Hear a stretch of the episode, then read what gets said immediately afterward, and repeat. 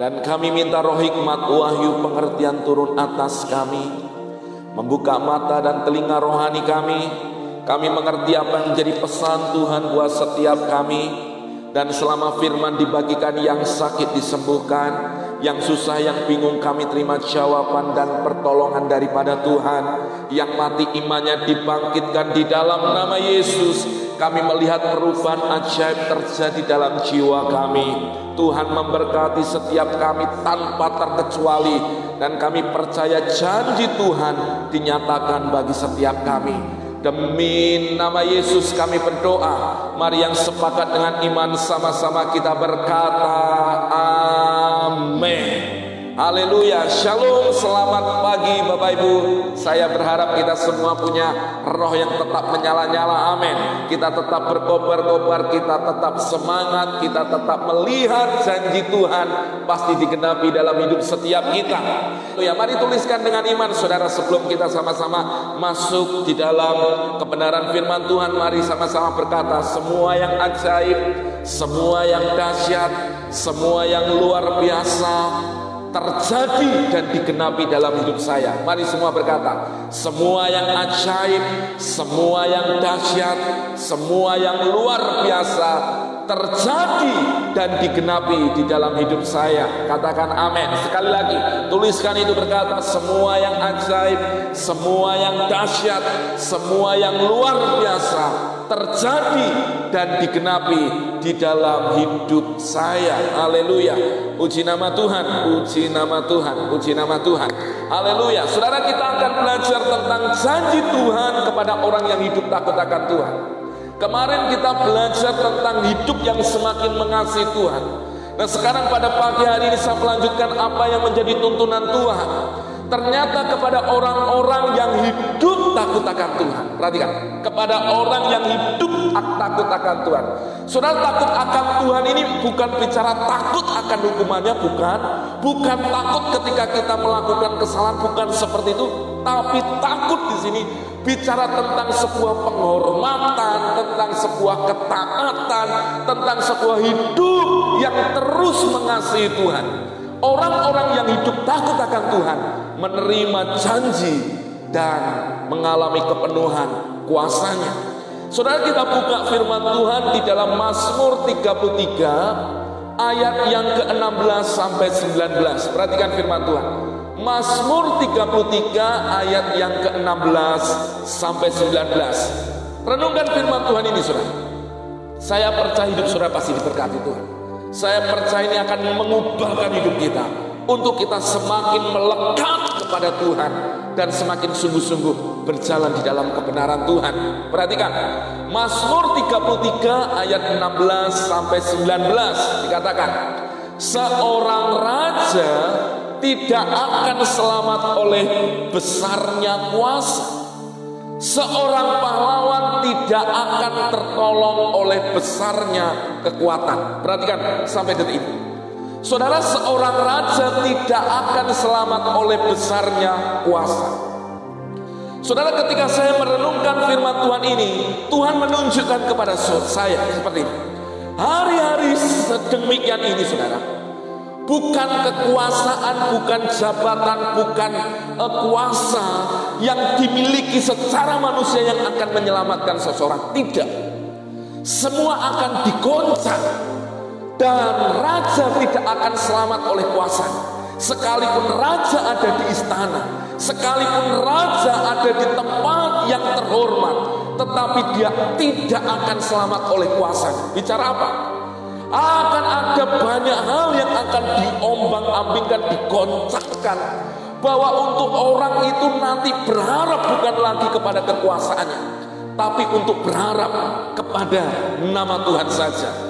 Dan seorang pahlawan tidak akan tertolong oleh kekuatannya. Sekalipun orang punya kemampuan, kekuatan yang hebat, tidak akan sanggup menolong hidupnya. Saudara hari-hari ini inilah yang terjadi. Orang punya duit, orang punya semuanya. Hari ini yang berharga adalah kesehatan dan nyawa. Betul. Orang pengen sembuh, orang pengen mereka berkata saya mau sehat. Dan sesungguhnya hanya Tuhanlah yang bisa menggenapkan itu dalam hidup kita kepada orang-orang yang hidup takut akan Tuhan. Jadi hari ini kekayaan, kekuatan kita, kemampuan kita secara manusia gak bisa untuk menolong kita. Tapi hanya Tuhan saja yang bisa meluputkan kita dari semuanya. Lalu di ayat yang ke-17 dikatakan, kuda adalah harapan sia-sia untuk mencapai kemenangan. Pada masa ketika pemazmur ini menulis orang kalau punya pasukan berkuda, mereka adalah pasukan yang cepat yang bisa mengejar musuh dan gampang menaklukkan musuh. Tapi berharap kepada kuda, berharap kepada sesuatu yang fana adalah hal yang sia-sia. Tidak akan bisa mencapai kemenangan kita. Amin. Maka dikatakan sekalipun besar ketangkasannya tidak dapat memberi keluputan. Artinya mau kekuasaan, kekuatan, kuda. Kalau saya mau gambarkan ini, orang punya kekayaan, punya jabatan tinggi, orang punya yang namanya skill yang hebat, orang punya modal yang besar. Semua tidak bisa menjamin kita dari keluputan. Kalau bukan kita berlindung hanya kepada Tuhan. Dan semuanya itu terjadi dan digenapi justru kepada orang-orang yang sederhana. Siapa itu? Orang-orang yang hidup takut akan Tuhan. Maka ayat selanjutnya di ayat yang ke-18 dikatakan, sesungguhnya perhatikan, mata Tuhan tertuju kepada mereka yang takut akan Dia kepada mereka yang berharap akan kasih setianya untuk melepaskan jiwa mereka daripada maut dan memelihara hidup mereka pada masa kelaparan. Perhatikan ini. Mata Tuhan justru tertuju kepada apa? Orang yang sederhana. Orang yang sederhana yang dipunyai hanyalah Tuhan. Perhatikan. Orang yang sederhana yang diandalkan adalah Tuhan. Orang-orang yang hidup takut akan Tuhanlah di mana mata Tuhan tertuju kepadanya dan Tuhan menunjukkan kasih setianya. Saudara mari hiduplah takut akan Tuhan. Semakin menjelang kedatangan Tuhan, semakin kita mau berkata hari ini ya untuk hidup dalam kebenaran Tuhan dan tidak untuk yang namanya dosa. Saudara ini hal yang sederhana. Kekuasaan, kekuatan, jabatan, modal, uang tidak akan bisa meluputkan kita dari apa pun. Hanya Tuhan saja di mana ada orang-orang yang hidup takut akan Tuhan, bersandar berserah kepada Tuhan yang akan diluputkan dari yang jahat. Maka di dalam doa Bapa kami kan kita diajar berdoa. Dan janganlah membawa kami ke dalam pencobaan. Lepaskanlah kami daripada yang jahat. Orang yang bisa berdoa seperti ini adalah orang-orang yang sebenarnya menyadari hidup kita sebagai manusia rapuh saudara. Orang bisa hari ini sehat, belum tentu berapa jam kemudian tetap akan sehat kalau bukan kasih karunia Tuhan dalam hidupnya. Maka saya menitik beratkan hari ini untuk saya mau berkata kepada kita, orang yang hidup takut akan Tuhan, mata Tuhan tertuju kepadanya. Bicara mata Tuhan tertuju kepadanya, bicara Tuhan memberi perhatian kepada orang itu. Bukan di anak emaskan, tetapi Tuhan menghargai ketika ada orang-orang yang mereka mau berjalan dan Tuhan itu disenangkan dengan orang-orang yang hidup mau habis-habisan untuk hidup di dalam kebenaran firman-Nya. Amin. Nah, saudara hidup takut akan Tuhan itu bicara tentang dua hal.